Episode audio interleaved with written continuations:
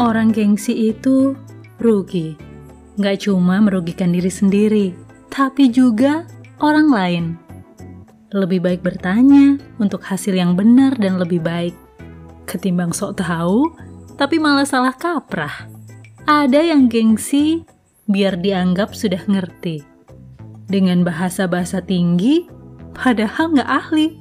Yang udah paham, malah jadi elus dada sambil senyum-senyum sendiri. Miris melihat kenyataan yang ironi dengan teori. Hei, sampai kapan mau gengsi? Bertanya itu nggak dosa. Mengakui kekurangan bukanlah sebuah kebodohan. Justru pura-pura pinter tapi nggak ngerti apa-apa, itu yang memalukan, menyusahkan.